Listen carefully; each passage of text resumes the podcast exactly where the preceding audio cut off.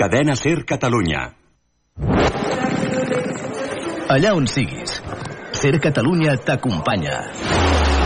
Escolta. Curs d'operador carretilla elevadora. Tipus de carretilla, frontal, apilador i transpalet elèctric. Possibilitat de fer també carretilla retràctil segons demanda. Preu per a particulars, carnet de carretilla frontal, apilador i transpaleta elèctrica, 150 euros. Carnet de carretilla frontal, retràctil, apilador i transpaleta elèctrica, 180 euros. Els treballadors tenen la possibilitat de bonificar el curs a Fundae per empreses. Informació a GCT Plus Consultoria i Formació.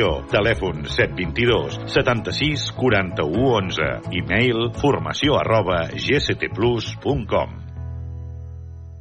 Hora 14. Catalunya Central. Eli Pagant.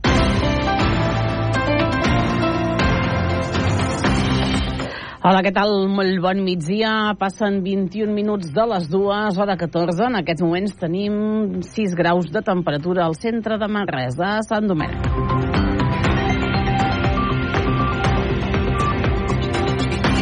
El comitè d'empresa de Sant Joan de Déu de Manresa denuncia falta de recursos per l'epidèmia de virus respiratori. El comitè d'empresa de l'Hospital Sant Joan de Déu de Manresa, gestionat per la Fundació Altaia, denuncia que hi ha una falta de recursos al centre sanitari i creuen que això afecta la seguretat dels pacients. Lamenten que l'hospital no ha estat a l'alçada davant l'epidèmia de grip i l'augment dels contagis de Covid, malgrat que des del 2023 estan reclamant més recursos humans, materials i espais. Diuen que aquesta mancança es dona tot l'any, però que durant l'hivern afecta especialment el servei d'urgències, augmentant la sobrecàrrega de treball i repercutint negativament als usuaris. Des del TAI asseguren que tot i l'increment de la pressió a l'hospital, l'assistència i la seguretat dels pacients està garantida. El comitè d'empresa creu que aquesta situació és previsible i, per tant, la direcció del centre hauria de preveure aquests pics d'hospitalitzacions i increments de visites en la seva planificació. A més, critiquen que l'empresa els diu que hi ha manca de pressupost, malgrat que tenen superàvit econòmic financer. Per tot plegat, el comitè reclama dotar el servei d'urgències del personal necessari i que l'hospital disposi de personal de reforç tot l'any.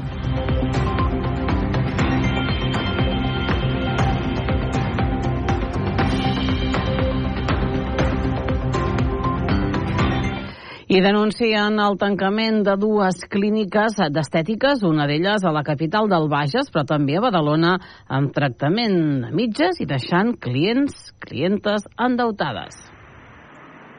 Els clients de dues clíniques d'estètica de Manresa i Badalona s'han unit per denunciar que les dues franquícies del grup Dorsia han tancat de cop i han deixat molts tractaments a mitges i molta gent endeutada. De moment, la plataforma plega uns 56 afectats i asseguren que els deutes sumen més de 200.000 euros. L'empresa mare, Clíniques Dòrcia, diu que es farà càrrec dels tractaments que han quedat a mitges i que estudiaran tots els casos un per un. També han denunciat que prendran accions legals i penals contra aquestes dues franquícies per la gestió irresponsable i negligent que han fet. Alguns dels pacients, però, reclamen el retorn dels diners i asseguren que el grup d'Òrcia no ha donat resposta a aquest punt, pel que molts afectats presentaran denúncies davant dels Mossos d'Esquadra. A més, alguns pacients també han denunciat que han patit infeccions postoperatòries. L'empresa Clíniques d'Òrcia assegura que les franquícies de Manresa i Badalona van deixar de pertànyer a la cadena el mes de novembre passat per un incompliment greu de les obligacions contractuals, tant amb els franquiciats com també amb els proveïdors i les administracions públiques. Dòrcia va donar un període de gràcia d'un mes a les dues clíniques perquè poguessin finalitzar els tractaments pendents, però lamenten que no ho van complir. Manresa és una de les poques ciutats grans de Catalunya on fins ara només hi havia una zona escolar. És a dir, l'alumne no tenia més punts pel fet de viure a prop de l'escola, però aquesta situació canviarà a partir del curs vinent. El Departament d'Educació i l'Ajuntament ha creat zones escolars amb l'objectiu de lluitar contra la segregació. En concret, s'han creat sis zones per a primària i quatre per a secundària. Dels 27 centres que hi ha a la ciutat, quatre són d'alta complexitat i set de màxima. Trencar els patrons de segregació i ajudar a que hi hagi un equilibri. Aquest és, segons l'alcalde de Manresa, Marc Eloi, el principal objectiu de la mesura que s'hi implementarà, com hem dit, el curs vinent. El problema que tenim a la ciutat és que hi ha centres amb un alt amb una alta segregació i centres amb molt poca. Per tant, no hi ha una equitat. Quan tenim eh, segregació escolar, eh, no és només un problema d'aquells alumnes o d'aquella escola, sinó que és un problema eh, que afecta el conjunt de la ciutat perquè els estudis ens demostren que la segregació condiciona eh, negativament pel que fa als resultats educatius, a la capacitat d'aprenentatge, a la cohesió social, al coneixement de la llengua i finalment també doncs, després a l'atur, al creixement econòmic de la ciutat o del país.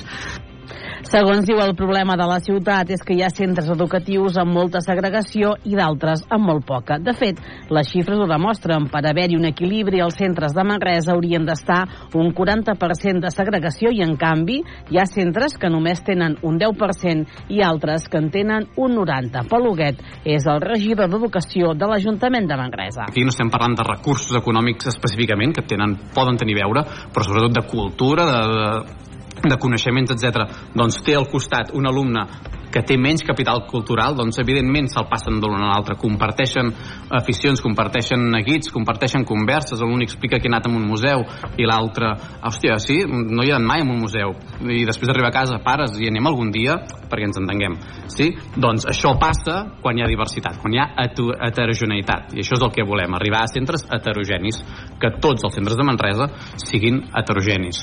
Um, i molts d'ells ja ho són, eh? Bé, molts d'ells ja ho són, però en proporcions eh, molt diverses.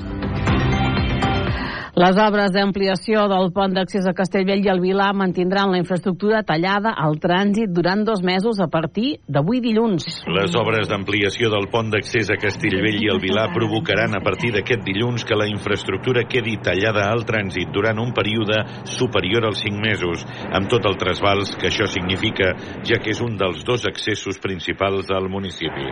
Durant aquest interval de temps en què l'entrada nord quedarà tallada, se senyalitzaran itineraris alternatius a través de Monistrol de Montserrat i l'accés al municipi serà pel barri de la Bauma.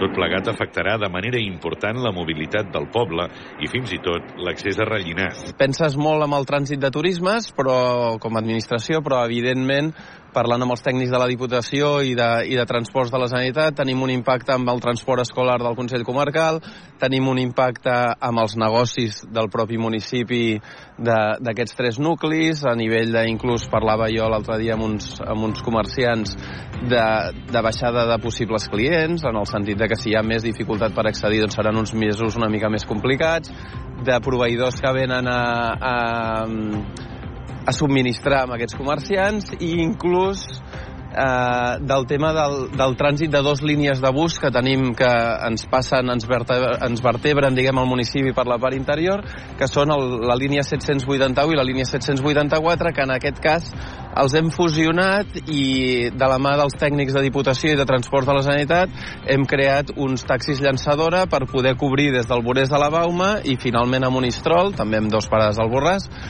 per eh, connectar amb les línies d'autobús que no, pade no pateixen modificació que passen de Monistrol direcció Manresa o de Manresa direcció Monistrol. Eren paraules d'Adrià Valls, l'alcalde de Castellvell i el Vilar. I ens anem a la informació esportiva, malgrat la derrota ahir davant del Bascònia, partit molt emocionant i emotiu el que es va viure al Congost. Dia d'emocions fortes les que es van viure al Congost en la prèvia del partit entre el Baxi Manresa i el Bascònia, en un partit que els vitorians van acabar aconseguint la victòria per 82 a 90, malgrat que van ser els homes de Pedro Martínez els qui van anar per davant en el marcador la major part del partit. Però anem a pams. La primera gran sotregada emocional que es va viure al Congost va ser la de la presentació de Chima Moneke, l'exjugador del Manresa.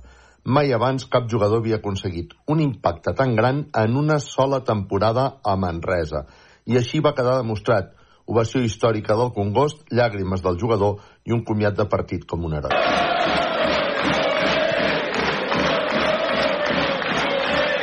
Acte seguit, la segona sotregada emocional la celebració dels mil partits que Pedro Martínez ha dirigit a la Lliga ACB.